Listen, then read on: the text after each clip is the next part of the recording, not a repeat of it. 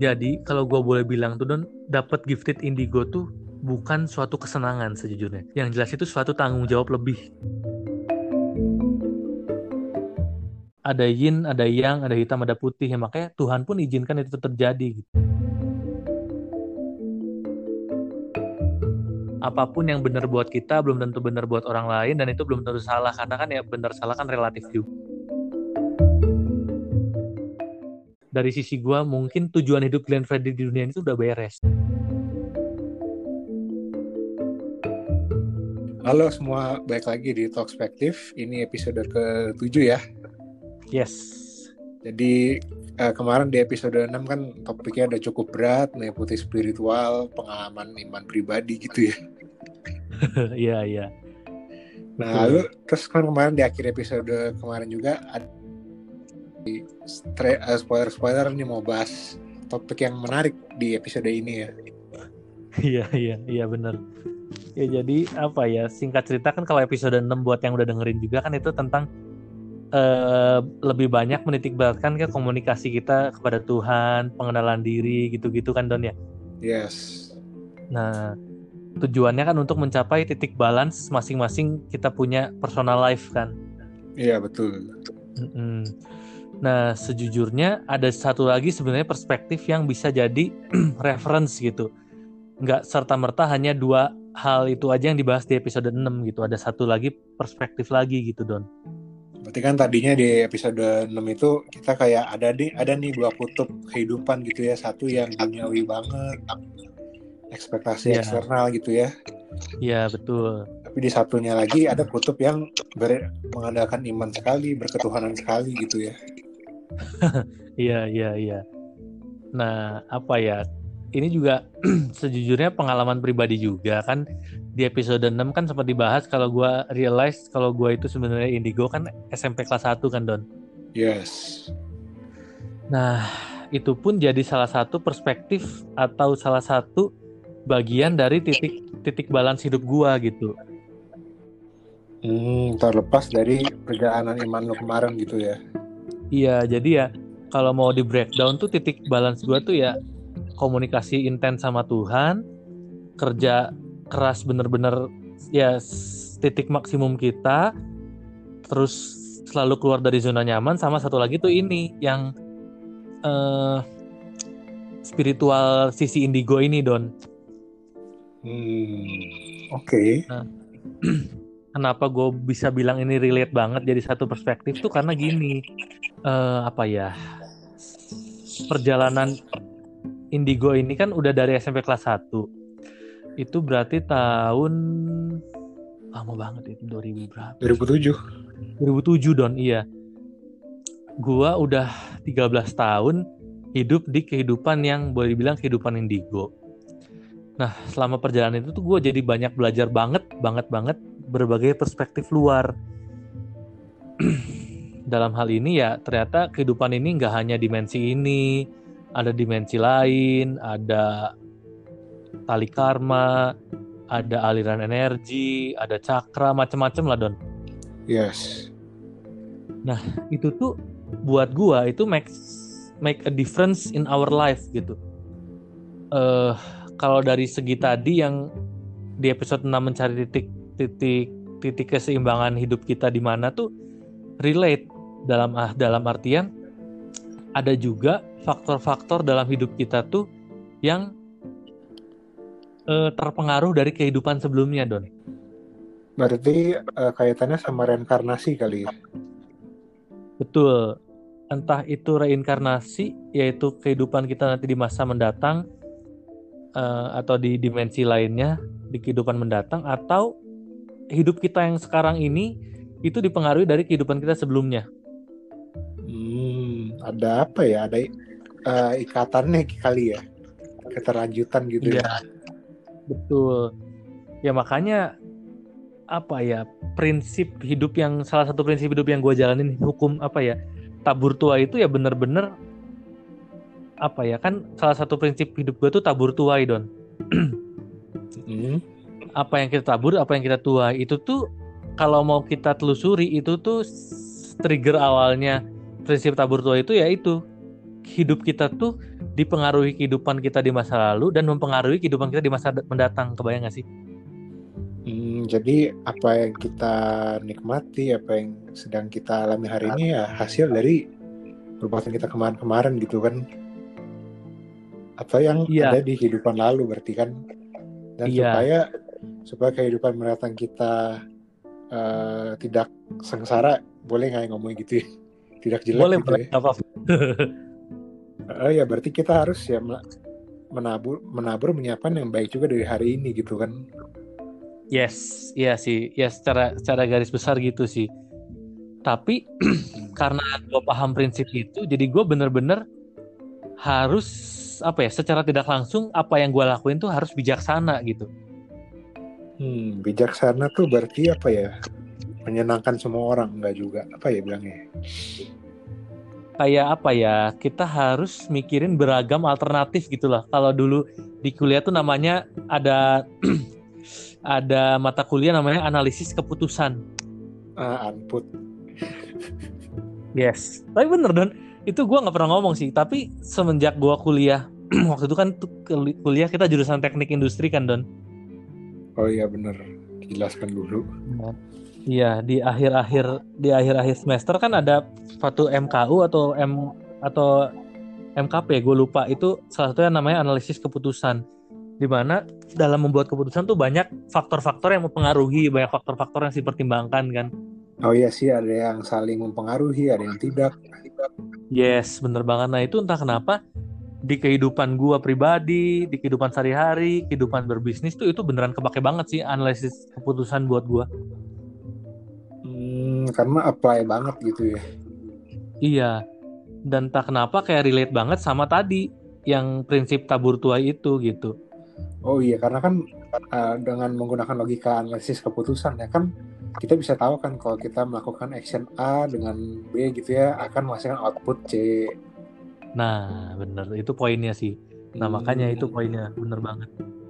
Nah, itu tuh mungkin orang juga belum tahu karena gua pun cukup punya hobi ngebut gitu ya naik mobil gitu. Itu tuh gua terapin juga Don. Terapin gimana?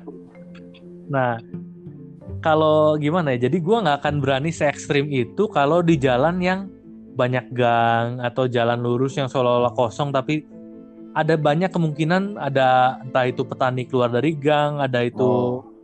ya gitu-gitulah. Gua beneran sebisa mungkin hobi gue tuh tidak merugikan orang lain gitu. Kalau di jalan tol kan sangat terminimalisir ya gangguan dari orang keluar gang itu nggak ada. Iya, kalau di jalan tol kan ya terlepas itu ya apa ya ba- banyak hal-hal yang tidak terkontrol tuh tereliminasi gitu. Uh, uh, hanya mobil-mobil yang di depan lu gitu kan nggak ada lagi. Iya. Iya, ya udah itu kan itu Yes. doang maksudnya ke arah sana juga gitu. Uh, Nah, lanjut lagi ke arah yang tadi salah satunya tabur tuai. Ya apa ya? Itu yang salah satu part dari titik balance hidup gua juga don maksudnya. mm-mm. Nah, ada lagi juga tentang eh, feng shui, hong shui gitu-gitu. Itu juga buat gua sih ngaruh banget gitu. Ya karena kan kayak kasus nyari tanggal baik untuk buka usaha, nyari tanggal baik untuk acara lamaran, sangjit, merit itu semua gue lihat semua don. supaya bisa apa ya sesuai gitu ya dengan uh, energi lu dan si Grace. Betul. Jadi ya kayak tanggal misalkan yang udah kejadian kan tanggal lamaran, itu gue lihat tanggalnya tuh eh, hari baik apa yang bisa optimal untuk energi gua, energi keluarga gua, energi Grace, energi keluarga Grace tuh supaya bersatu gitu. Hmm, Ya ini udah apa ya bahasannya udah kayak spiritual banget ya, cuman maksudnya kayak membuka aja gitu suatu perspektif lain yang bisa mempengaruhi kehidupan kita sejujurnya gitu. Soalnya gini sih kalau apa ya biar jelas dulu lah ya pengetahuan gue untuk bidang spiritual gitu tuh benar-benar terbatas kayak kayak sekedar tahu oh kalau begini bagus kalau begini jelek gitu kan iya iya. tapi tanpa Iya, iya. tahu eh, asal asal muasalnya kenapa why-nya gitu Iya, iya. Nah, kalau buat apa ya orang yang bukan indigo itu bisa sih maksudnya kayak yang cases gua nyari tanggal lamaran itu ternyata nyokapnya si Grace kan punya orang tua yang masih totok don. Oh oke. Okay. Nah dia punya tanggalan gitulah kayak tanggalan Cina yang ngitung hari baik untuk acara lamaran sangtit itu ada don. Oh. Nah buat gambaran jadi itu tuh inputnya kita ngasih tanggal lahir kita, tanggal lahir pasangan, tanggal lahir orang tua kalau nggak salah sih lalu sio masing-masing don. Hmm, biar ngacong. Nah iya nanti tuh ada muncul tanggalnya berapa, hari keberapa setelah sincia gitu-gitu don. Oh. Nah entah kenapa yang tanggal lamaran itu setelah di cross check sama itu sama persis don. Oh berarti tanggal lamaran awalnya uh, berdasarkan it, apa yang lihatan lu aja nih gitu. Iya, cuman kan nyokapnya si Grace tuh penasaran gitu karena nggak terlalu percaya sama yang gini-gini Don. Jadi coba cross check lagi gitu ya. Iya. Ternyata hasilnya sama, gila. ya makanya maksud gua nggak harus kejadian-kejadian itu yang harus indigo doang gitu, tapi ya banyak kok apa ya fasilitas-fasilitas yang bisa ke arah sana gitu. Ya ada entah itu kita ke kelenteng nanya ke orang kelenteng itu dia punya buku-buku feng shui buku-buku hongxi itu ada gitu. Maksudnya bukan sesuatu yang spiritual benar-benar yang bisa dipelajari gitu. Maksudnya kita pun bisa belajar untuk dapat satu perspektif baru di kehidupan tuh melalui itu gitu. Uh, iya sih ngomongin perspektif gitu ya. Kadang kan uh, kayak apa sih anjuran-anjuran orang tua himbauan orang tua yang berbau-bau ke arah sana ya. Itu bisa masuk logika juga walaupun bukan indigo gitu lah. Iya, benar-benar. Karena kan rata-rata ajaran-ajaran itu kan ada dasar berpikirnya juga kan, ada kerangka dasar kenapa teori itu ada atau kenapa ujangan itu ada gitu loh. Sebenarnya apa ya hal-hal spiritual ini juga di negara-negara maju tuh udah dikembangin jadi suatu science fiction gitu don Oh, kayak ada horologi gitu kali ya? Uh, ada penjelasan science-science-nya, uh, entah itu di apa ya, di breakdown untuk kebutuhan kesehatan, untuk itu kebutuhan pengajaran di kampus-kampus gitu-gitu tuh udah diterapin di banyak negara yang research and development apa ya money for R apa money for R&D-nya tuh gede gitu kayak Jerman gitu banyak menerapkan gitu. Oh dia berarti apa uh, mencoba memahami satu fenomena atau kejadian gitu ya dengan beragam perspektif jadi entah dari sains secara perhitungan sampai ke ilmu feng shui energi gitu ya. Yes, betul. Itu benar banget. Ya jadi ya gitu sih makin hari akan makin banyak gitu penjelasan-penjelasan kan karena kembali lagi ya kan gue realize gue Indigo 2007 waktu itu mana ada coba yang nyadar kalau itu Indigo tuh jarang banget kan baru akhir-akhir ini kan booming Indigo Indigo gitu kan. Hmm. Itu gue pribadi udah lama sih tahu anak Indigo gitu. Oh udah tahu ya? Lu pertama kali tahu anak Indigo kapan Don? Waktu SD itu baca di majalah.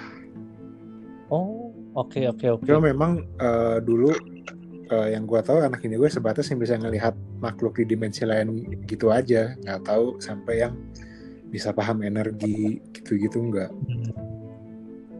Iya sih sebenarnya kalau kita mau ngobrol sedikit tentang indigo tuh beneran sevariatif itu sih orang-orang tuh.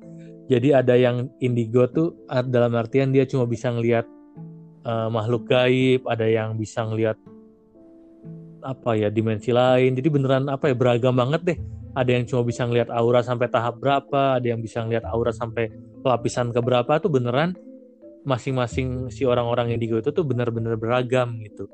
Nah gue cukup tertarik tuh soal aura, soal lapisan ke berapa itu ya. Soalnya gue pernah baca buku, uh-uh. buku fiksi sih soal penyihir zaman dulu di Inggris gitu ya. Iya. Yeah. Nah, dia tuh kayak nyeritain kayak kita kan lihat di berapa lapisan, berapa plan gitu kan. Yes. Jadi kalau di plan pertama mungkin bentuknya manusia, cuma nanti di plan kedua ketiga itu bisa berbeda. Hmm, iya. Sampai ada plan Jadi, tujuh plan uh -huh. kalau nggak salah ya. Eh ya bener bener bener. Ya. Ah, Karena karena memang eh, kalau apa ya? eh ini disclaimer dulu lah ya Don. yes.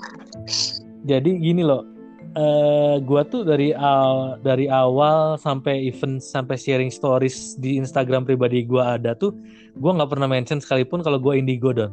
Oh ya memang sih. Iya, karena itu gue juga nggak pengen orang lain tahu sejujurnya. Kenapa? Karena eh, apa ya waktu itu pernah sih di sharing story sempat disinggung-singgung tentang eh di sharing story pribadi gua don ya sempat disinggung-singgung tentang arti logo Mm-mm. kalau logo tuh punya meaning tersendiri, energi tersendiri. Nah, setelah sharing story itu tuh banyak banget yang nge-DM gua, Don. Karena nggak setuju gitu. Enggak, karena jadi dia pengen diliatin. Dia tuh pengen buka usaha logo yang bagus gimana, energinya gitu-gitu loh. Kebayang gak sih? Oh ya apa ya mungkin alamiahnya orang kalau bertemu teman atau kerabat yang punya kemampuan itu bakal dimanfaatkan untuk begitu ya. Iya, betul. Iya, gue itu naluriah gitu kan. Iya. Iya, cuman entah kenapa gue tuh nggak mau gitu. Karena gue tahu gifted karunia gue indigo ini tuh bukan untuk itu. Oh, oke. Heeh, jadi ya ada tujuan spesifik tertentu yang gue udah dikasih tahu memang tujuan gue dikasih karunia itu tuh untuk ke arah yang lain gitu bukan ke arah itu. Makanya eh gue tetap pada keputusan ya gue nggak akan kasih tahu siapa-siapa juga lah tentang hal ini gitu. Bayang gak sih? Oh, nah cuman ya akhirnya gue berani ngomong ini di episode ketujuh ini ya untuk lebih karena tujuan utama podcast ini kan sharing ya Don iya. ya untuk sharing perspektif baru yang mungkin buat sebagian orang yang bener-bener awam ini oh ada perspektif begini gitu kebayang gak sih Oh iya sih. Kayak at least good to know lah. Jangan didebatkan. ya jadi ya gue disclaimer dulu jadi saat kita ngebahas eh, tentang hal ini di episode ini ya jangan jadi suatu perdebatan jangan jangan jadi suatu debat kusir ke depannya atau jangan juga jadi suatu momen wah habis episode ini gue eh, DM si Hans deh atau gue WhatsApp si Hans deh gue mau nanya-nanya tentang energi gue sejujurnya gue gak akan nyaman dengan hal itu gitu kebayang gak sih Oh iya sih. Ya apa ya. Memang ada beberapa juga orang yang gue kenal dengan kemampuan indigo itu nggak mau kemampuannya dimanfaatkan untuk eh tolongin ini dong, tolongin itu dong nggak ada sih. Iya, heeh. makanya ya ini kayak suatu disclaimer aja gitu. Heeh. Ini cuma Iya. untuk membuka perspektif kita yang baru aja gitu. Oke oke. Oke oke. Karena gini sih maksudnya mungkin ada gambar, ada bayangan orang tuh yang orang indigo tuh, wah itu sih kayak suatu cheat code dalam hidup, kebayang gak sih? Oh iya sih. Gue pun kadang berpikir gitu sih. Sejujurnya. Mm-mm. Nah ini gue coba dis, apa ya coba jelasin juga. Eh, selama dari 2007 tuh kemampuan indigo gue tuh hampir 0% yang gue pakai untuk ke- kebutuhan pribadi gue don. Berarti lo pakai buat apa? itu tuh karena bokap bokap gue tuh punya beberapa temen banyak temen lah ada yang dari macam-macam lah eh, beragam agama gitu makanya gue sejujurnya gue banyak juga belajar tentang eh, agama Buddha Oke. nah yaitu pure untuk bantuin orang lain sejujurnya kalau gue boleh cerita. Jadi orang lain tuh ada yang sakit ada yang bener-bener eh, butuh pertolongan dari segi ekonomi dan lain-lainnya. Gue bantu ngelihat mereka dari sisi yang begini gitu. Entah itu ternyata rumah mereka yang jelek entah itu ternyata kesehatan mereka jeleknya di mana gitu gitulah intinya don. Oh ada ketidaksesuaian gitu ya. iya jadi ada emang ada yang menyimpang gitu atau mereka ternyata disusupin sama energi jahat ada yang dalam tanda petik dalam tanda petik nyantet mereka gitu-gitu lah don intinya Hmm oke. Nah, jadi ya, kemampuan gue tuh selama ini tuh untuk ke arah sana gitu. Even dulu di Unpar tuh gue pernah nyariin titik air, dua titik air untuk jadi sumber mata air di Unpar. Sampai sekarang masih ada sumurnya, Don. Oh lu pun pasti tahu dong di mana sampai sekarang pun. Iya. Ya, jadi gitulah intinya gue nggak pernah manfaatin satu kali pun untuk kebutuhan pribadi. Contohnya, gue nggak pernah kalau ulangan gue nggak pernah ngeliat jawaban ulangan itu apa, bayang nggak? Padahal bisa. ya mungkin gitu karena gue nggak pernah coba don oh oke okay. itu berarti kan aplikasi praktisnya ya iya jadi jadi jadi jangan ada anggapan kalau orang indigo tuh jadi cheat code nggak bisa percayalah gue sekalipun nggak pernah ngelihat saham apa yang bagus gue beli lihat pakai indigo nggak pernah sekalipun beneran Iya kan jadi nggak bisa orang serta merta oh, gini deh kemarin cincin si Grace kan hilang gue sempet ngomong kan. Iya. Gue gak lihat cincin itu ada di mana gue cari nggak bisa don nggak bisa. Karena gini gue itu oh tapi gue nggak munafik juga gue ngomong gue pernah pakai kemampuan gue tuh untuk ngeliat unit apartemen yang gue pilih itu gue pakai hmm? itu gue pakai lagi untuk milih properti gue pakai tapi itu pun susah. Kenapa? Karena saat kita pakai kemampuan indigo itu untuk keperluan pribadi kita yang sifatnya pribadi itu tuh susah untuk membedakan ini tuh yang bekerja tuh kemampuan indigo atau ego kita don. Oh susah itu tuh beneran sesusah itu buat hidup gue sesusah itu kalau untuk ngebedain itu makanya gue memilih untuk tidak menggunakan untuk kepentingan pribadi gue tapi ya untuk orang-orang lain yang memang udah diizinkan Tuhan untuk gue bantu gitu kebayang gak sih Oh tapi bisa apa ya? Kok bisa ya kaitannya antara indigo lu tuh dengan ego lu sendiri gitu loh? Jadi bias gitu ya? Iya itu betul betul bias. Ya itu uh, tricky sih memang. Jadi ya bukan cheat code kata gue juga. Jadi perlu disadarin kemampuan indigo gue tuh sejujurnya yang tadi gue udah pernah mention itu tuh ada suatu tujuan tertentu yang emang Tuhan udah kasih ke gue tuh untuk membantu individu-individu individu-individu tertentu yang udah Tuhan izinin untuk dibantu gitu. Bayang gak sih Don? Oh ya bukan berarti bukan serta merta karena lu indigo lu jadi lebih apa ya, selangkah lebih maju gitu ya. Tapi ya lu ya for a purpose untuk membantu orang gitu ya. Yes, betul. Itu harus beneran kita pegang sama-sama dulu gitu. Ya terlepas mungkin orang-orang indigo lain ada yang memakai untuk kepentingan pribadi ya gue nggak bisa ngomong dan gue nggak tahu gitu. Hmm. Oh makanya dan indigo tuh ada macam-macam juga dan ada yang dia tanpa diniatin bisa ngelihat dimensi lain langsung kelihatan ada yang harus diniatin dulu ada yang harus merem dulu hmm. nah kalau gue untungnya tipikal yang harus diniatin dulu jadi kayak ada saklarnya begitu gue mau ngelihat tentang cases A baru gue lihat gitu harus merem dulu gitu ada saklarnya gue nggak mau lihat ya nggak lihat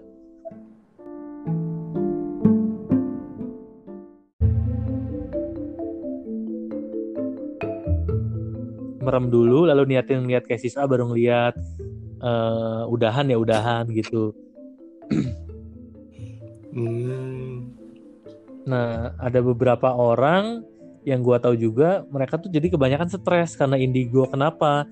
Mereka lagi nyetir tiba-tiba apa setirnya belokin ke kanan belokin ke kiri karena seolah-olah di depannya ngeliat ada orang. Padahal itu ya, di iya, dimensi ya. berbeda. Pernah sih dengar yang begitu. Nah, iya makanya. Jadi ya nggak semudah itulah kehidupan orang-orang indigo juga. Dan ada juga banyak yang apa ya kasarnya jadi jatuh gitu karena dia terlalu memanfaatkan kemampuan indigo itu untuk kepentingan dirinya pribadi gitu don.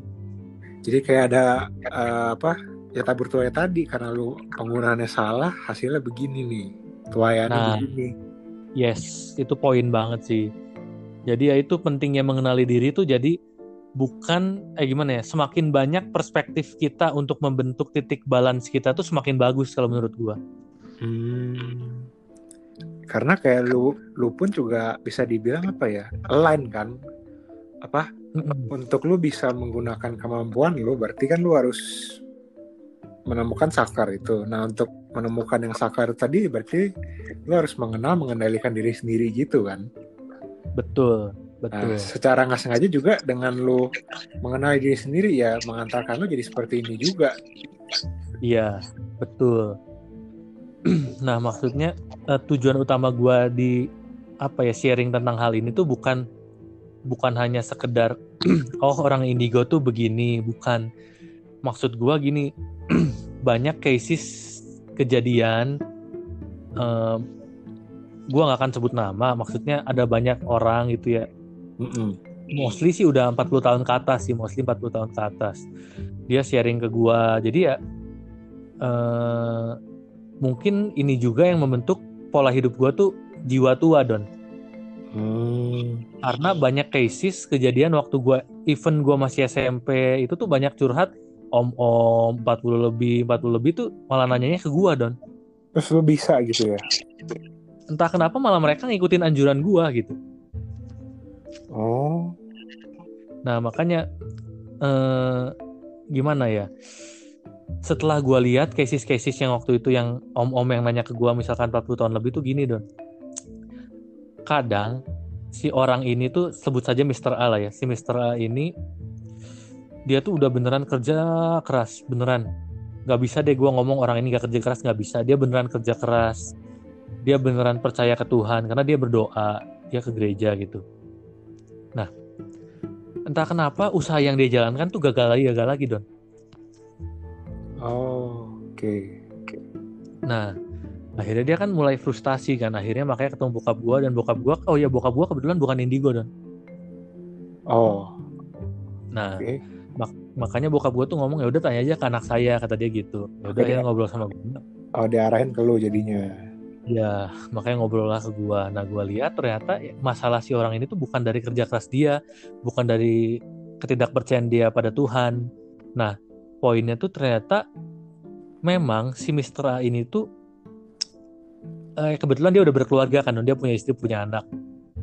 Iya. Nah, memang dia tuh porsinya tuh di belakang layar. Hmm. Kebayang nggak? Berarti maksudnya apa yang dia kerjakan tuh nggak sesuai sebenarnya sama peruntukan dia gitu. Betul, betul banget. Itu betul banget. Jadi sebenarnya kayak dia tuh udah di, dikasih purpose sama Tuhan tuh sebenarnya untuk di belakang layar. Dalam artian gini, siapa sih? Uh, ini kan Mr. A kan berarti posisinya uh, suami kan Don? Yes. Siapa sih suami yang nggak mau menafkahi keluarganya? Iya nggak sih? Iya sih, betul apalagi gini apalagi eh gimana siapa sih suami yang nggak mau dipandang orang lain menghidupi istrinya menghidupi keluarganya bukan sebaliknya kebayang gak sih iya iya iya nah entah kenapa gue waktu itu ngelihat dari sisi spiritual dari sisi energi peruntukan dia tuh Tuhan tuh menaruh dia tuh bukan untuk itu gitu bukan untuk sesuai sama apa yang diharapkan dunia apa yang diharapkan lingkungan Tuhan itu menempatkan kalau harus istrinya tuh yang kerja keras Oh. Hmm. Makanya kata gue juga ini suatu perspektif menarik gitu yang orang mungkin gak akan bisa terima, kebayang gak sih? Ya memang ya secara apa sih? Ya ekspektasi umum kan di mana-mana suami harus bekerja menafkahi gitu ya. Iya. Makanya, makanya akan di, akan didebatkan pasti jadinya.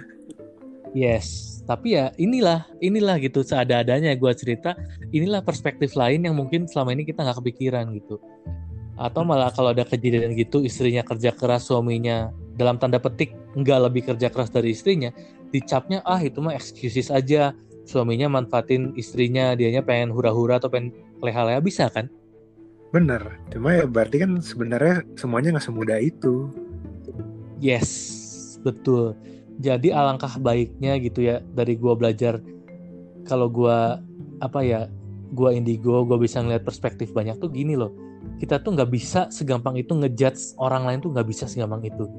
Oh, Oke. Okay. Karena ya terlalu banyak perspektifnya dalam hal itu ya yang gue bilang dia tuh bukan porsinya untuk di, di depan layar. Dia harus bisa merelakan egonya sebagai laki-laki, sebagai suami untuk udah yang lebih di depan, yang lebih kelihatan orang tuh istrinya. Dia tetap bekerja bisa, entah itu keuangan, entah itu malah apa ya ngajarin anaknya dan lain-lain bisa gitu tapi ya memang berat pasti akan berat untuk ego dia yang sebagai laki-laki berat hmm. Ya tapi itu ada gitu. It's exist gitu cases-cases gitu di banyak kota di banyak hal. Uh, cuma kalau gue boleh tarik benangnya baik lagi nggak jauh-jauh dari ego ya sebenarnya. Ya gak sih? Iya, ya antara itu makanya antara ego kita pribadi atau lingkungan kita yang nge-pressure kita harus jadi gimana gitu. Atau ya bahkan kalau mungkin dalam case-nya Mr. A ini ya antara ego pribadi dan ya peruntukan dia sebenarnya gitu kan. Iya. ya makanya kadang kadang gini don makanya gue banyak nemuin mister-mister lainnya yang pernah curhat ke gue itu tuh kalau boleh diomong sih banyak juga yang hartanya tuh udah nggak ketolongan dalam artian udah deh dia nggak kerja mau tujuh turunan juga nggak akan habis hartanya don tapi bayangin di posisi yang udah setinggi itu dari sisi materi dia masih bisa curhat dia masih bisa minta apa ya sudut pandang gua. Waktu itu waktu itu casesnya gua udah kuliah sih don. Udah kuliah semester awal. Oke. Okay. ya itu. Ternyata hidup dia tuh tidak sesuai peruntukan Tuhan maunya. Hidup dia tuh gimana tuh nggak sesuai. Dia udah terlalu lama dan udah terlalu biasa di direct sama pressure lingkungan dan di direct sama tujuan uang.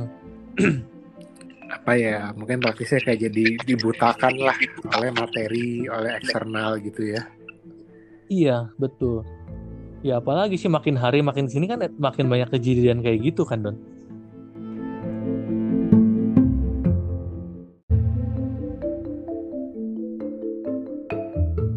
Si Mister ini kan jadi dia kayak dibutakan gitu kan. Iya iya terhadap tuntutan atau eksternal atau hal-hal duniawi kali ya gitulah iya makanya sih uh, gimana ya eh sorry itu kan udah bukan Mister Adon ini mah yang udah yang kuliah don oh iya yeah. Iya, iya. jadi yang si orang ini ya walaupun hartanya udah nggak nggak akan habis tujuh turunan tapi ya tetap dia merasa dia tuh selama ini hidup tuh bukan sesuai peruntukan dia gitu, sesuai peruntukan dia terhadap Tuhan. Makanya di satu sisi selain dia curhat ke gua waktu itu, dia pun lagi pada kondisi dia, dia tuh mulai mencari Tuhan, Don. Oh. Iya. Dia tuh mulai mencari Tuhan karena ya apa ya sama keluarga nggak harmonis, sama saudara nggak harmonis. Lebih ke arah dia hidupnya tuh beneran ngumpulin uang, uang, uang gitu. Bayang gak sih?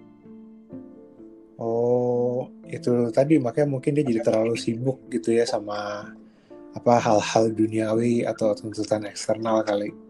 Betul. Sam sampai kabur sama dirinya sendiri. Iya, makanya jadi uh, ternyata ternyata setelah dilihat ya itu kalau yang ini dia hidupnya tuh ya beneran gak sesuai sama tujuannya. Secara energi juga udah apa ya auranya tuh udah apa ya kalau bisa dibilang tuh abu-abu mendekati hitam lah udah nggak bener gitu udah nggak cerah gitu gitulah hmm. jadi banyak lah perspektif-perspektif yang bisa apa ya atau sudut pandang sudut pandang yang bisa entah itu uh, ngelit kita ke jalan yang benar atau sebaliknya gitu. Hmm. Nah berarti kalau kayak kayak si orang itu bener nggak tuh kayak dia mencari Tuhan dulu atau enggak juga kalau waktu itu sih karena perbedaan usia ya dan waktu itu kan gue kuliah semester 1 jadi gue nggak berani ngomong sarannya tuh yang bener-bener apa ya kayak gue ngomong ke temen gue gitu nggak bisa. Oh, jadi ya tetap halus gitu ya? Ya omongan gue harus agak-agak diplomatis waktu itu gue ingat. Ya gue ngomong paling uh, om paling gini sih ya mulai aja kita, kita apa ya kayak introspeksi lagi. Selama ini kita hidup tuh sebenarnya tujuannya apa sih saat kita udah punya uang segini banyak kan toh kita tidak menjadi pribadi yang lebih baik dalam hal kebahagiaan dalam hal ketenangan. Toh kan pas saat kita amit-amit meninggal kita nggak tahu meninggal kapan kan uang itu nggak akan kita bawa gitu. Kebayang gak sih? Oh. Hmm, yang pertama gue itu sih ngomongnya. Jadi ya kayak nge apa ya seolah-olah nge ngenyadarin lagi dia tuh selama ini udah melenceng dari petnya gitu. Tetap sih. Jadi pertama ya gue berusaha menyadarkan dulu kalau karena kalau kita eh kalau orang itu tetap tidak sadar kalau bahwa dirinya melenceng ya nggak akan bisa berubah don. Karena yang paling penting pertama kan kesadaran kalau dirinya itu sudah ada perubahan gitu. Oh baik lagi ya tetap Mm-hmm. Iya tetap sih karena yang bisa ngedrive hidup dia selanjutnya pun bukan gua, bukan Tuhan, tetap harus dia dulu pertamanya punya keterbukaan dan kesadaran gitu untuk berubah. Terbuka terhadap diri sendiri lagi bukan istri, anak. Bukan, ya, Tuhan. ya tetap terhadap diri sendiri dia nggak bisa terus denial terhadap dirinya gitu. Hmm. Nah ya udah itu kan cases cases Mr. B berarti ya. Tadi kan Mr. A udah, yang Mr. A kan berarti bukan porsi dia untuk di depan layar tapi padahal istrinya. Lalu Mr. B kan ya apa kehidupan dia udah dibutakan uang kasarnya bukan sesuai lagi sama tujuan hidupnya. Ya. Nah, ada lagi Don banyak sih sebenarnya cuman yang bisa bisa gua share lagi ada lagi Mr. C. Nah, ini cukup ekstrim. Ekstrimnya gimana ya? Dia datang ke rumah gua, ke rumah bokap gua maksudnya dia datang sama istrinya. Itu orang Jakarta dan Jakarta Barat. Oke. Dia nggak tahu kenapa, mungkin dikenalin temennya lalu akhirnya kenal sama bokap gua, datang ke sini. Nah waktu itu juga sama dia ngomong, aduh uh, ngomong ke bokap gua lagi ada masalah gitu ya bokap gua karena bukan indigo jadi gua ikut juga ngobrol sama kedua suami istri ini. Oke. Nah, ini unik sih. Ini orang saat cerita, saat curhat pertama, gue inget banget. Ini orang beneran gue paham banget. Gue punya insting banget. Ini orang gak terbuka sama sekali. Kebayang gak sih? Jadi kalau nggak terbuka ini diceritain apa kalau gitu? Nah, gue tahu sejujurnya orang ini tuh cerita dibatasin sedibatas-batasin supaya aib-aib dia tuh sebenarnya nggak kebongkar tapi dia dapat solusi. Kebayang gak Don? Oh, Oke, okay. jadi dia ada nah, ada masalah, masalah untuk untuk supaya dapat pemecahannya nggak mau buka semua. Yes, itu. Mungkin dia nggak sadar kalau gue indigo gitu ya. Jadi lu bisa tahu sebenarnya. iya. Ya kelihatan lah gerak-geriknya. Padahal kalau dari looks ini beneran suami istri ini ya umur 40-an, 40-an dua-duanya 40-an dari looks beneran kayak om dan tante yang baik-baik saja gitu. Buat oh. gambaran okay, nah, berarti unexpectedly nih. Iya. Nah, singkat cerita dia ngomong kalau dia kehidupannya uang mencukupi. Dia punya aset di Jakarta, tanah beberapa di Jakarta Barat, di lupa daerahnya apa di Allah apa sih Meruya, Kembangan gitu gitulah. Hmm. Nah, dia tuh ngomong uh, intinya dia sama sanak saudaranya nggak bagus lalu dari sisi kesehatan dia nggak bagus ya gitu gitulah uh, uh, oke okay. lah lalu gue terus suri ternyata dia awalnya nggak ngomong kata gue tuh kok uh, ini kayaknya koko pernah ke suatu dalam tanda petik kayak dukun. Koko pernah minta sesuatu yang akhirnya ada tumbal. Kata gue gitu. Hmm. Akhirnya dia cerita bener kejadian. Dia pernah kayak gitu. Ini krisis pertama ya Don? Yes. Lalu krisis kedua. Kok ini tuh uh, rumah yang koko tinggalin sekarang? Kan dia kasih alamat rumah dia terus dia kasih ini Don, Don Google Street View oh kasih lihat nih rumahnya gitu ya yes nah terus gue ngomong kok ini rumah koko tuh aneh gue biasa ngeliat rumah orang tuh kalau feng shui atau hong shui-nya nggak bagus ya udah sekedar hitam energinya don. Iya. Nah rumah dia tuh beda. Rumah dia tuh ada black hole. Jadi di, di dunia ini tuh ada banyak black hole black hole, tapi tempatnya spesifik di situ di situ di situ gitu loh. Oh. Okay. Nah black hole itu tuh nggak bisa diakalin. Beda sama hong shui jelek, feng shui jelek bisa diakalin. Kalau black hole tuh nggak bisa diakalin. Dia tuh beneran si jadi di titik itu tuh beneran keluar energi negatif energi negatif dari perut bumi itu keluarnya di situ. Itu ya masih ditinggalkan dihindari gitu ya. Iya. Ya gue cerita kok ini rumah koko tuh black hole dan gede diameternya kata gue. Oh gitu. Nah baru dia cerita lagi, iya pantesan kok cuma di rumah tuh nggak pernah harmonis kata dia. Makanya anaknya pindah tempat tinggalnya ke apartemen mana gitu. Nah terus tetangga tetangganya juga nggak pernah harmonis. Ya memang si black hole itu diameternya gede dan sampai ke merembet ke tetangga-tetangganya. Oh ya berarti si tetangga juga sebenarnya nggak boleh tinggal situ ya. Gitu ya. Iya, cuman titik pusat tengah diameternya itu di rumah dia don. Oh. Nah ya akhirnya dia apa ya? Dia keungkap satu hal baru sama gua, dia baru cerita panjang lebar gitu loh. Oh kayak aduh ketahuan deh, yaudah deh. Iya.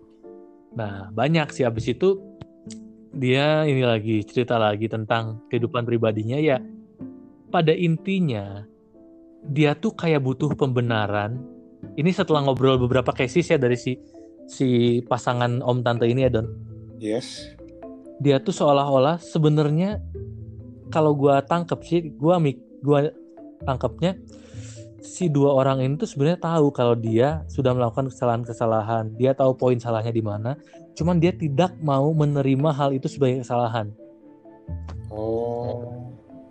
itu bahaya banget sih buat gua menurut gua pribadi ya itu dia tuh nggak sadar kalau dia membuat kesalahan itu bahaya Oke, oke. Ber- berarti dia kayak datang ke lu pun apa? Kayak ingin mencoba mematahkan kali ya?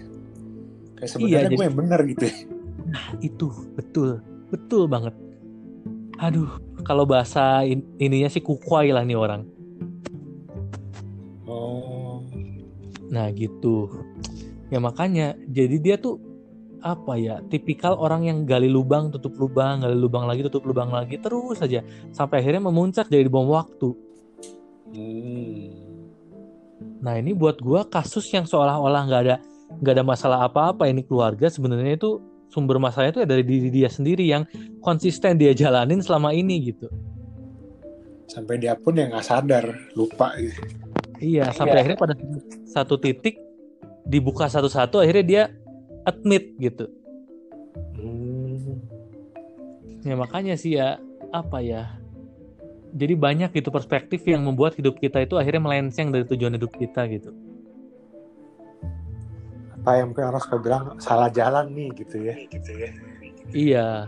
Ya cuman tetap karena pressure lingkungan lah atau pressure jabatan kah, pressure wah tahun ini harus liburan ke sini, tahun ini mobilnya harus ini. Ya akhirnya yang membuat ah udah deh gue nggak apa-apa di jalan yang salah, yang penting hidup gue sesuai sama pressure lingkungan gitu. Itu jadinya si om tante itu tuh gitu kalau menurut gue. Memang sih dia datang ke rumah gue juga pakai apa gitu, gue lupa Harrier atau apa gitu ya. Tapi ya ternyata di dalamnya begitu gitu don. Ya maksudnya gimana kayak dari, dari luar kita bisa men, uh, ngejudge dulu nih, wah nih orang happy lah, hidup bahagia, nikmat gitu ya. Iya. Cuma ya deep down hanya dia dan diri sendiri yang tahu bagaimana kan. Yes. Hanya dia dan dirinya yang tahu bagaimana dan efeknya yang mungkin dirasakan ya akhirnya ke anaknya, ke istrinya, ke orang dekatnya. Oh itu padahal maksudnya kayak anak kan ya apa? Bukan dia yang action gitu kan?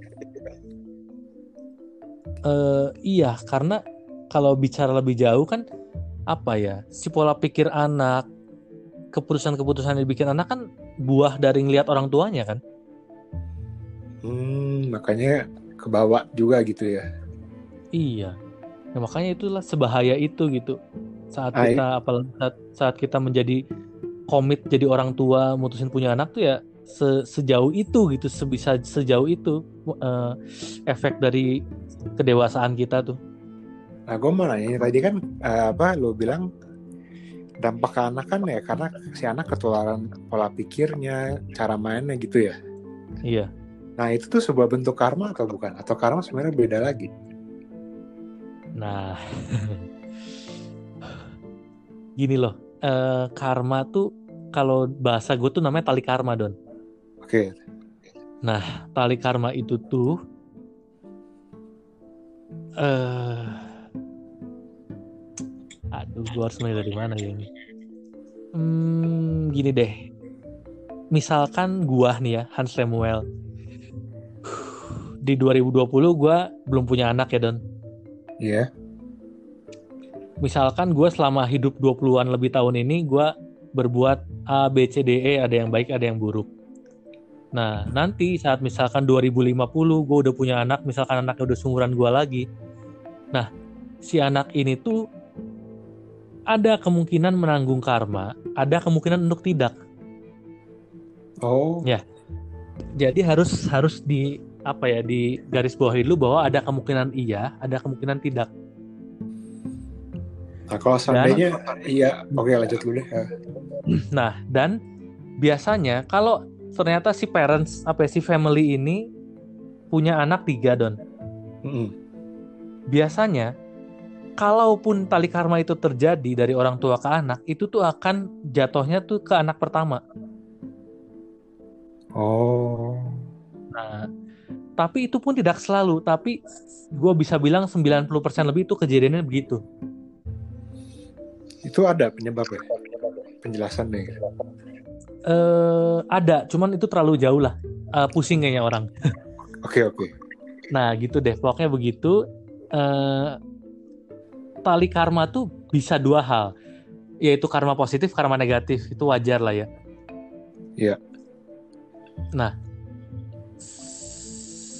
tali karma pun kalau yang negatif itu kan udah pasti kita maunya diputuskan tali karma supaya udah deh jangan negatif terus ke anak cucu kita selanjutnya kan Don. Iya betul. Itu ada yang bisa diputus, ada yang tidak bisa diputus lagi. Oh, oh. Dan orang yang dikasih gifted, misalkan kayak gua indigo itu ada yang boleh ngasih tahu, nih, you selama ini gagal tuh karena tali karma itu ada yang beberapa cases gue boleh kasih tahu, ada beberapa cases yang gue nggak boleh kasih tahu don. Hmm. Itu yang Jadi, kalau dikasih tahu bisa pindah itu ya? Iya sih. Uh, gimana ya? Semacam ada rules semacam ada rules tidak tertulis di dunia yang seperti ini tuh begitu gitu. Ada yang boleh dikasih tahu, ada yang boleh dikasih solusi, ada yang boleh cuma dikasih tahu penyebabnya gitu loh. Oh. Jadi hadirnya orang-orang yang indigo dalam tanda petik atau yang diberi karunia lebih itu seharusnya begitu harusnya tuh maka yang tadi gue disclaimer di awal gue tuh nggak bisa ngasih tahu ke semua orang don karena ya purpose lo untuk yang seperti itu iya jadi alangkah baiknya orang-orang indigo juga mencari tahu lagi belajar lagi banyak untuk seenggaknya si orang indigo ini juga nggak jatuh ke lubang yang seharusnya dia tidak jatuh gitu Oh ya berarti bukan berarti karena seorang indigo bertindak seperti ini maka indigonya harus sama gitu kan karena masing-masing berbeda ya. Yes. Jadi kalau gue boleh bilang tuh don, dapat gifted indigo tuh bukan suatu kesenangan sejujurnya. Yang jelas itu suatu tanggung jawab lebih. Oke. Nah itu poinnya. Jadi ya nggak nggak nggak salah gitu banyak orang indigo yang tiba-tiba jadi stres atau banyak kan soalnya ada yang indigo oh udahlah datang ke gereja mau ditutup deh indigonya gitu banyak Iya itu nggak jarang sih kayak beberapa yang gue kenal juga begitu ada. Iya ya karena itu dia nggak tahu cara mainnya, dia nggak tahu tujuan hidupnya, tapi tiba-tiba dia sadar kalau dia dikasih tahu eh dikasih kemampuan lebih tapi tidak bisa menggunakan dan mengontrolnya itu bahaya. Karena bisa balik lagi ke dianya sendiri malah ya. Malah ya. Betul, betul. Ya makanya nggak semudah itulah kehidupan kita nggak bisa ngejudge oh ini orang indigo punya cheat apa apa boro-boro gitu dalam hati ya. Jadi ya dalam semua hal deh kita beneran nggak bisa ngejudge something or someone gitu. Ya karena kalau udah dengar cerita begini kan artinya apa ya? Orang indigo tuh kayak hadir ya ada tugas dia sendiri gitu bukan untuk dia menjadi lebih hebat atau lebih canggih gitu ya daripada kita kita yang biasa. Enggak ya? Yes betul. Nah ini deh gue mulai kebuk buk terbuka lagi deh ya.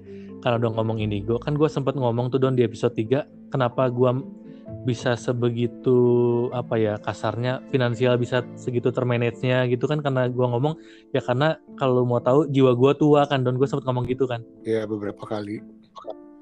Nah kenapa jiwa gue tua? Karena gue tuh umur jiwa gue tua ya pertama. Kedua karena gue tuh udah sering reinkarnasi don. Hmm. jadi kasarnya gue tuh pribadi apa ya soul gue di zaman dulu tuh udah sering hidup di bumi ini meninggal balik lagi meninggal balik lagi meninggal balik lagi sampai akhirnya yang di kehidupan sekarang tuh gue dikasih purpose spesifik makanya dikasih gifted indigo gitu kebayang gak don karena sudah cukup berpengalaman, sudah cukup mampu gitu ya dengan pengalaman jiwa lo hidup gitu ya. Iya, jadi ya gimana ya? Mungkin banyak juga sih karena film-film yang tentang beginian tuh banyak kan don di movies di bioskop di itu kan. Iya macam-macam sih pendekatannya. Betul. Nah karena sebagian apa ya si direkturnya atau yang buat filmnya itu mostly dia indigo indigo juga don. Oh, dan dia mencoba menggambarkan lah penglihatan kemampuan dia gitu ya, mengenalkan ke orang-orang ya. Betul, itu sebenarnya poinnya. Jadi ya, kenapa sih ini orang bisa sekreatif ini atau sefantasi ini? Kok bisa sih kepikiran time travel atau pikiran pindah dimensi di dimensi lain ketemu siapa, lalu efeknya dimensi yang dia lagi jalanin, kebayang gak sih? Iya iya iya, maksudnya dari mana gitu kan dapat idenya? Iya. Nah ya itu makanya itu pun yang terjadi di hidup gua ini mungkin si Grace juga nggak tahu karena gua nggak pernah cerita juga Hmm, berarti Grace harus dengar podcast ini. dia selalu dengerin sih Oke, berarti bisa tahu. iya sih ini gue beneran ini gue mungkin cuma baru lu doang mungkin orang yang langsung denger cerita ini karena podcast ini kan tayangnya nggak langsung saat ini juga kan Oh iya benar. Mm-mm. ya gitulah dan makanya apa ya kayak banyak biksu-biksu atau suhu-suhu itu tuh kenapa seolah-olah dia lebih bijak tuh ya karena itu sebenarnya mostly tuh mereka udah hidup berkali-kali sampai akhirnya Tuhan udah deh Hans udah deh si A udah deh si B lu turun lagi ke dunia ini gua kasih kemampuan ini lu make something different in this world gitu bayang gak sih Oh iya iya iya. iya. nah gitu Jadi Mungkin ya, itu sebagai ya apa begitu ya? makanya eh kayak penjelasan lah kayak di antara kita deh namanya punya temen kan ada yang mungkin beberapa yang lebih kesannya lebih tua atau yang lebih childish lebih sembrono gitu ya Yes, betul.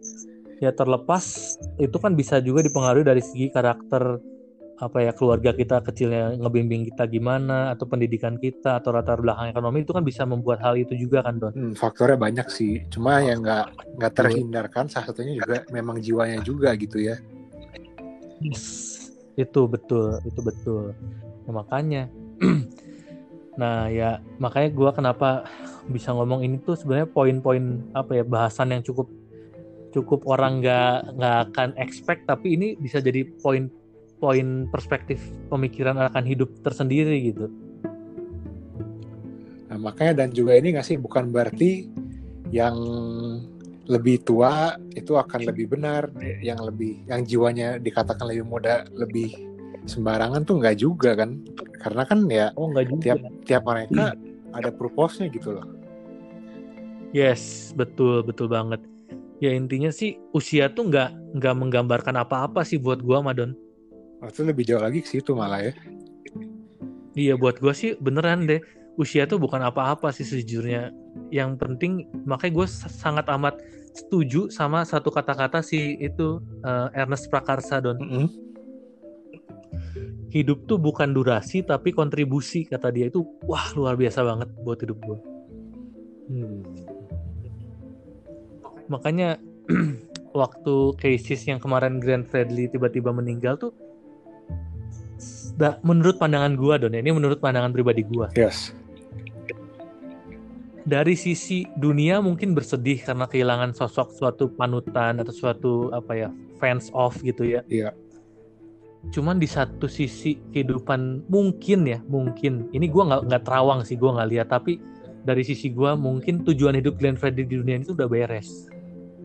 Makanya sih dia siap berangkat untuk yang selanjutnya gitu ya Iya atau karena tujuan hidupnya udah beres akhirnya purpose yang Tuhan berikan ke hidup dia udah beres akhirnya dia udah bisa beristirahat dengan tenang di dimensi lain tanpa harus perlu kembali ke bumi ini. ke nirwana itu atau bukan Ya nggak tahu ya. Ini uh, oke adalah terlalu jauh itu menurutku deh. oke Ya mak- maksudnya nggak harus dia akhirnya reinkarnasi lagi ke bumi, jadi bayi lagi, jadi anak kecil lagi nggak harus gitu mungkin ya. apa sudah literally beristirahat gitu ya Iya, ya karena kan kembali lagi ya hidup di bumi ini kan kalau di Alkitab atau di kitab suci pun kita kayak hanya suatu singgah di warung kopi kan sejenak. iya sebelum akhirnya dipanggil lagi Iya. Ya makanya sih itu sih kalau beneran kita mau memaknai kehidupan tuh ya itu sebenarnya. Saat kita beneran memaknai itu ya apa ya? Pressure dari lingkungan tuh bener-bener gak ada apa-apanya sama tentang kayak ginian gitu. Hmm.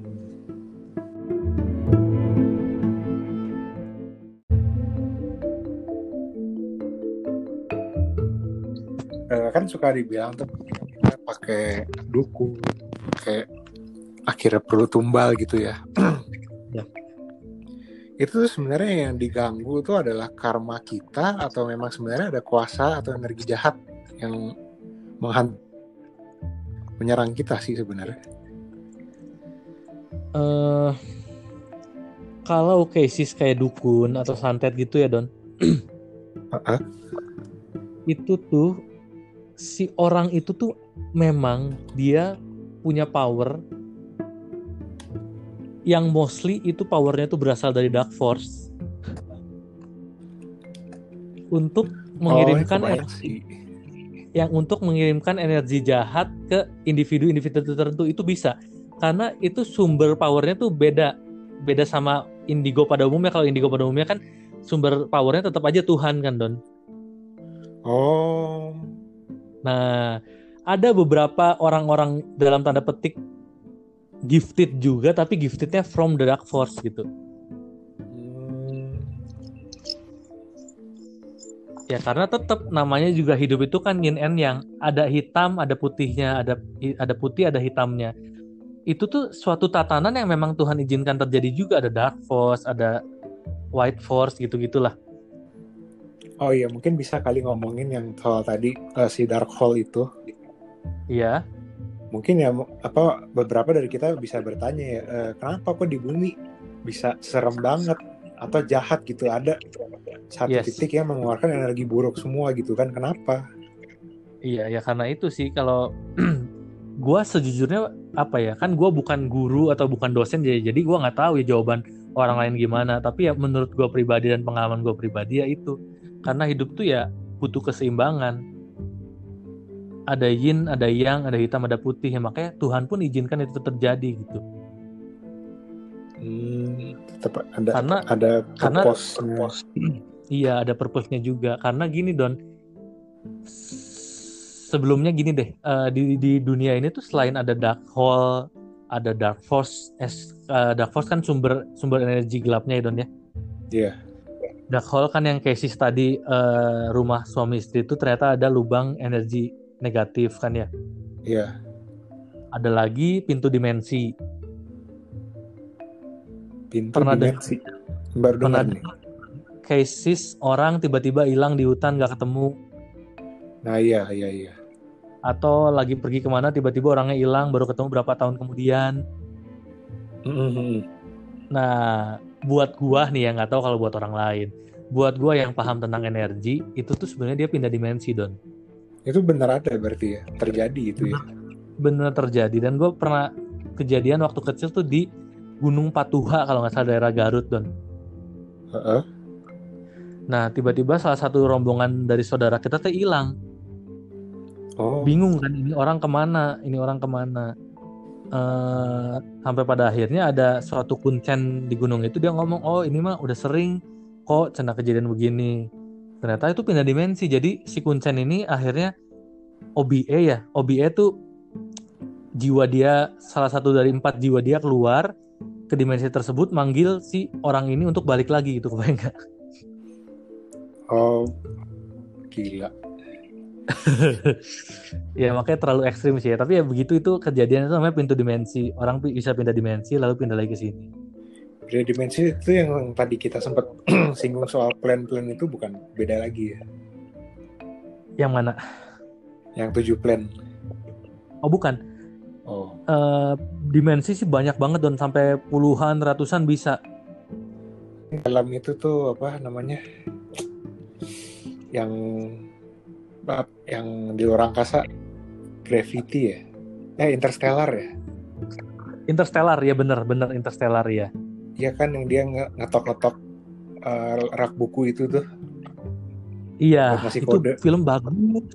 Bagus banget itu entah kenapa karena gua waktu itu indigo gua nonton film itu anjir ini film gua banget cuman gua nggak bisa cerita gitu. itu mungkin bisa jadi pengantar nggak sih apa ya penjelasan dimensi apa ya Boleh monggo monggo. apa gue kebetulan waktu gue nonton itu gue kondisi ya udah cukup nggak tahu gue ada gue udah belajar belum dari dulu? Pokoknya gue cukup eh, apa ngeh deh kayak kaitannya tuh ini make sense apa nggak sembarangan gitu sekedar fantasi. Seru banget loh. Iya. Makanya. Karena gue sejujurnya kalau ngeliat film gitu oh tiba-tiba keluar film ini. Anjir dalam hati gue tuh pengen banget cerita dari sisi gue gimana cuman gue nggak bisa gitu. Gue nggak boleh ya bukan nggak boleh gue tetap memutuskan udah deh gue tetap nggak usah orang tahu kalau gue indigo gitu. Kebayang gak sih? Oh iya, iya, iya. Ya gitu ya banyak lah Ada- dan banyak banget hal tentang indigo ada lagi tuh itu film Coco inget gak iya cocok juga itu mah gue relate banget iya kan itu cengbeng kan iya ceng beng ya Cengbeng yang apa ya sangat digambarkan dengan bagus. Iya. Nah, entah kenapa Don, yang hal-hal spiritual begini tuh banyak terbentur sama agama, terutama Kristen. Oh. Makanya beberapa orang Chungkwojen atau orang Chinese yang masih tradisinya kuat, yaitu entah Cengbeng atau tradisinya masih Toto, itu tuh menganggap tradisi-tradisi itu ya udah sekedar tradisi tanpa ada makna gitu. Bayang gak sih? Iya sih kayak yaudah deh formalitas nih ajaran dari akung gua biar nggak kualat kali. Nah, itu padahal saat dia mencoba cari tahu apa artinya tuh bertentangan sama ajaran agamanya gitu. Bayang gak sih? Iya makanya salah satu kenapa sharing stories gue yang di Instagram pribadi pun gue udah gak akan mention-mention lagi tentang hal ini karena jadinya malah debat kusir nggak jelas gitu karena mungkin ya wajar orang debat kusir karena mereka nggak tahu tentang hal ini juga kali. Nah, apa kebetulannya serunya tuh gue baru cengbeng saat gue uh, dua tahun lalu deh. Itu pertama kali gue Hmm. cengbeng bener-bener yang namanya apa ke kuburan jam 3 pagi gitu ya datang bawa Iya iya. Makanan gitu. I- itu kebetulan yang si saudara gue ini yang nganterin itu dia juga masih Konghucu Hmm, jadi, iya. jadi dia kayak apa namanya dia lebih tua gitu ya dia kayak ngajarin gue kayak udah ikut aja ikut sembayang pegang hio sembayang cara gini gitu ya. Iya. cuma saat itu gue kayak nggak mau kayak ini cuma momen gue buat coba-coba gue kayak pengen nyari nih ngapain sih gue sebenarnya? Gitu loh. Iya iya. Jadi gue kayak nanya-nanya Iya. ini fungsinya apa, ini persembahan untuk siapa, ini kenapa ada makam penjaganya gitu ya. Jadi gue kayak ya udah karena gue taunya begitu ya udah gue ber, eh, berkomunikasi ya, ya sambil berdoa aja gitu kayak doa ziarah biasa. Walaupun mungkin kalau Iya. Cengbeng ada bacaan doa sendiri kan. Iya, jadi ada sebenarnya ada makna tersendiri lah ada di situ tuh. ya kalau orang ngomong arwah leluhur tuh sebenarnya datang Iya kan? dia ngeliat ya gitu gitulah.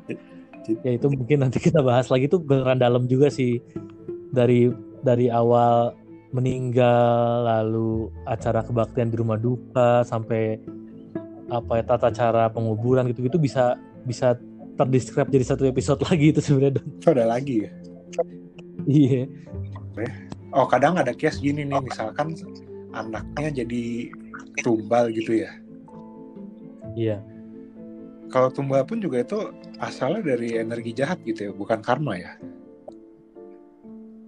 eh kalau casesnya santet lalu ada lalu ada efeknya tumbal ya iya itu sih gara-gara energi negatif ya. Nah, Jadi energi negatif itu spesifik dikirim ke individu A, dikirim ke individu B gitu. Nah, kalau case-nya misalkan dia untuk melancarkan usaha membantu gitu ya. Ya. Itu kan tetap uh, apa tetap akan ada tumbalnya gitu lah, ada tabur tuainya. Iya betul. Nah, itu tuh penjelasannya karma juga atau bukan? Karena kan dia kayak semacam uh, di satu sisi kehidupan dari rezeki dia dimudahkan deh gitu ya. Yes. Tapi di sisi lain ada bagian beratnya kayak jadi anaknya yang menanggung bebannya gitu. Nah, kalau itu gue bisa jelasin dengan cukup ini ya, cukup bisa dimengerti orang wajar nih. Itu kan Iya. eh, gini, eh, cases yang lu barusan sebut kan gambaran gampangnya merubah tatanan keseimbangan yang sudah ditetapkan, ya nggak? Hmm, oke oke terus terus. Jadi kan dia berusaha merubah, maksudnya gini, seharusnya porsi dia hidup di dunia tuh apa ya, ngomongnya 100 juta deh, porsi dia hidup di dunia 100 juta.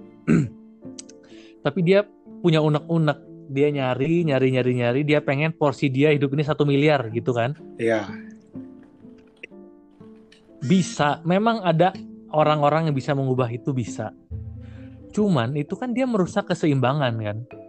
Mm, karena melanggar aturannya kali ya, bisa dibilang ya. Iya, jadi ya seharusnya Tuhan udah rencanain buat hidup dia 100 juta, tapi dia maunya satu miliar. Ya Tuhan juga tahu, oh orang ini begini, jadi pengennya dia satu miliar, oke, tetap gua izinin, monggo. Ya tapi dia merusak keseimbangan. Keseimbangannya apa? Ya dia bisa merusak porsi anaknya, bisa merusak porsi istrinya, bisa merusak porsi orang tuanya. Kebayang nggak? Karena ada porsi yang diambil jadinya kan untuk orang ini. Yes, betul. Porsinya yang bisa dirusak tuh apa? Belum tentu materi lagi, belum tentu materi yang selisih 900 juta itu bukan. Bisa jadi kesehatan, bisa jadi nyawa. Hmm, itu yang tadi lu bilang yang kaitannya tali karma ya.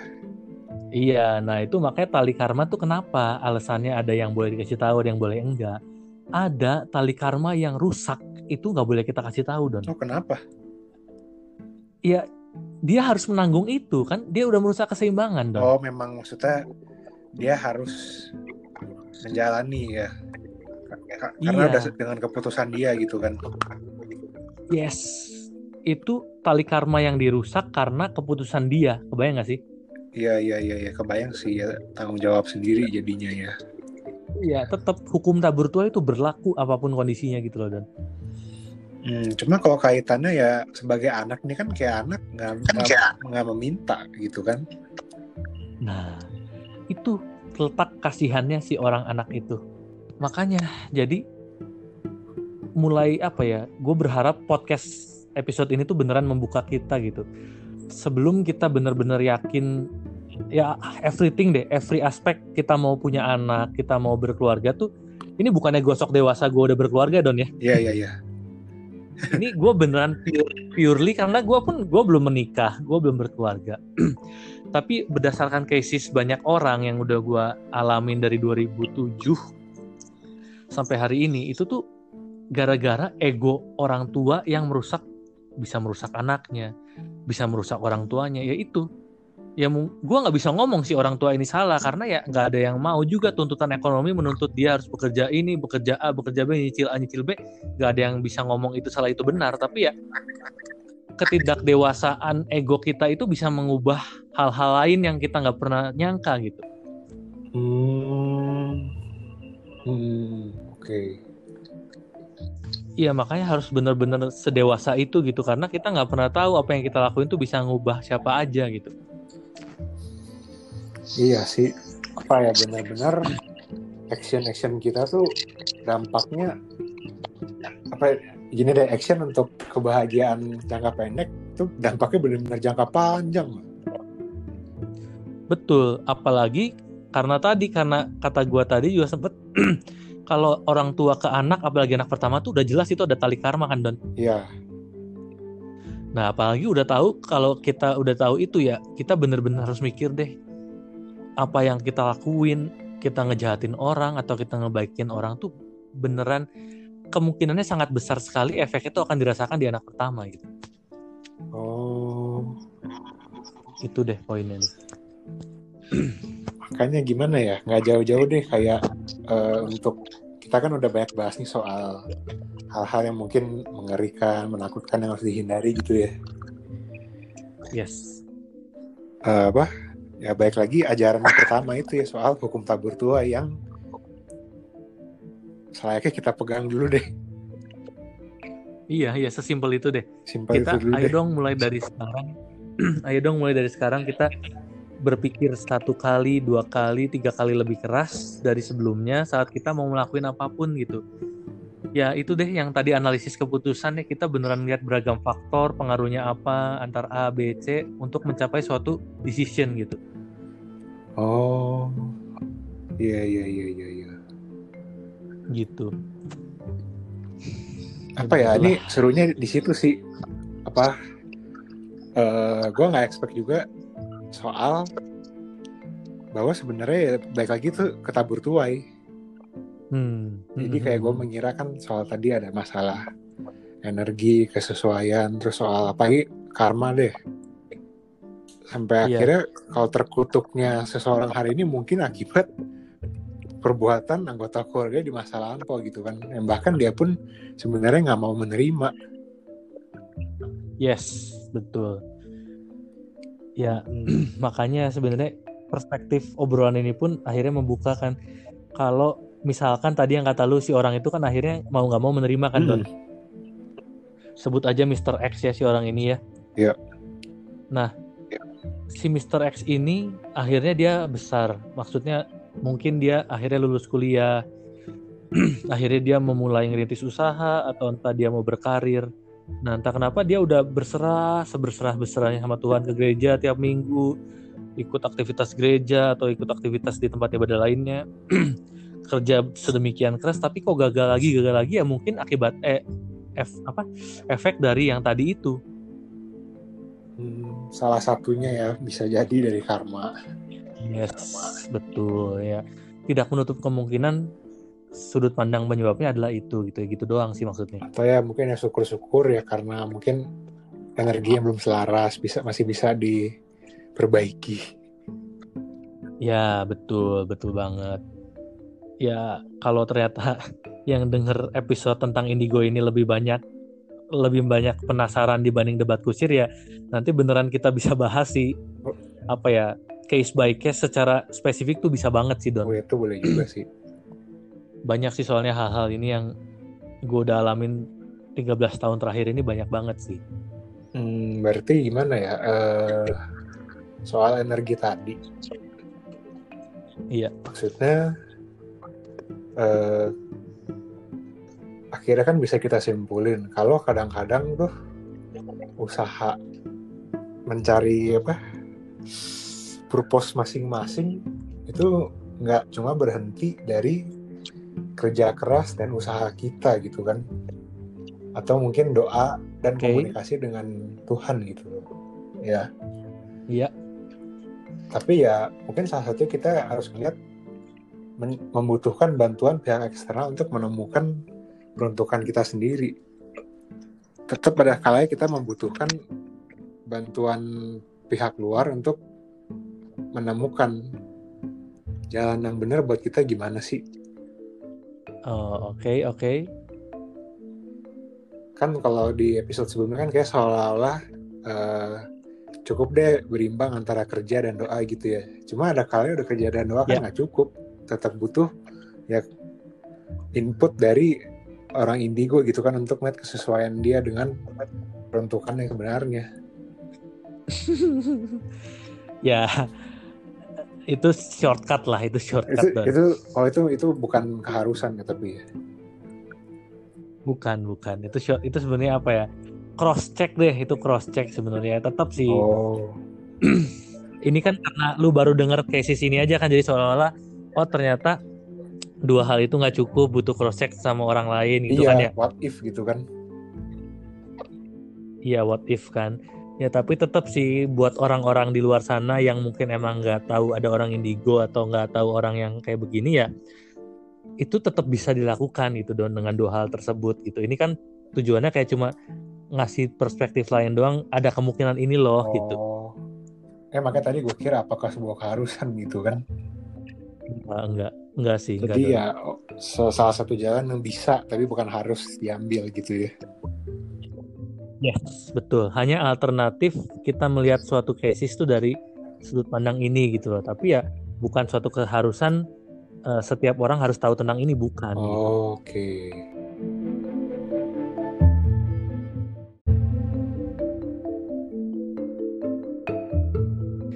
Ya seenggaknya episode 7 ini paling kita udahin di sini dulu kali ya dan sebelum makin menjalar gitu ya. Uh, sebelum ke mana-mana tambah pusing. Iya uh, uh, ya seenggaknya kan tetap pada tujuan awal episode ini kan tujuannya kayak membuka suatu perspektif baru yang mungkin teman-teman juga belum pernah tahu dan belum pernah dengar untuk mencapai suatu titik balance kehidupan dan mencari purpose of life gitu ya. Oh ya baik lagi ke situ lagi sih. Iya kan tujuan awalnya itu kan ya. Uh, uh, bener udah tercapai sih. Yes. Iya. Ya terus paling poin yang paling mau gue tekenin lagi sekali lagi sih ini sih. Jadi ya kita sebijak mungkin deh mulai sekarang jangan nggak gampang ngejudge orang tuh gimana karena kita nggak pernah tahu gitu orang itu dari sisi ABCD itu seperti apa gitu. Ada banyak faktor lah yang mengantarkan dia ya jadi seperti itu gitu kan. Yes, betul. Terus kan ya kalau dari sisi yin and yang, dari sisi ada baik ada benar, ada hitam ada putih ya apa pun yang benar buat kita belum tentu benar buat orang lain dan itu belum tentu salah karena kan ya benar salah kan relatif juga ya Don. Iya benar baik lagi sih. Udah sih paling uh, apa lagi ya mungkin dari Brandon ada apa yang mau disampaikan gitu? Hmm, ya dari gua sendiri sih jadi belajar lebih detail sih soal sudut pandang orang indigo ke street nah, kemampuan dia seperti apa dan purpose dia seperti apa gitu kan Hmm, hmm, hmm, hmm. akhirnya kan bahwa pandangan ya gue gue salah satu orangnya lah yang berpandangan bahwa orang berkemampuan indigo tuh punya cheat gitu loh ternyata nggak semudah itu sebenarnya Iya iya iya. Iya Oh. sih. apalagi ya tadi lu bilang kan kemampuan indigo kan apa bukan ajaib gitu kan tapi memang datang dari Tuhan gitu kan atas sebuah purpose Iya betul betul. Ya apa ya karena dari pengalaman gua 13 tahun ini ya kalau mau dilacak lagi yang benar-benar dimanfaatkan untuk keperluan pribadi tuh ya paling hanya 10 persennya gitu. 90 persennya tuh ya untuk purpose-purpose yang udah di set sama Tuhan untuk orang lain gitu. bukan untuk kesenangan atau ego ego diri sendiri jadinya ya Iya ya kalau itu yang terjadi di hidup gua maksudnya kalau orang indigo yang lain ya gua nggak pernah tahu orang indigo yang lain gimana manfaatinnya gitu. oh oh ya kan tadi baik lagi tiap orang indigo nggak sama Yes, betul, betul. ya begitu sih. Ya paling segitu dulu kalian episode 7 ini mungkin kalau respon pendengar episode ini tetap apa ya, malah jadi pengen penasaran lebih tahu lagi ya kita akan bahas lebih spesifik hal-hal tertentu kali ya tentang ini ya Don. oh ya boleh kan tadi kayaknya agak loncat ke sana ke sini Iya, betul. Kan kayak masih gue juga masih belum pernah cerita ke orang banyak tentang hal ini gitu. Ini bener-bener first time gue, even di sharing stories di Instagram pribadi pun gue nggak pernah mention hal ini. Hmm oke berarti yang mau nanya harus tambah kritis nih Ya udah paling segitu dulu kali ya Don. oke deh thank you Hans Lemur Ayo, thank you, thank you Don. Bye bye. thank you semua bye bye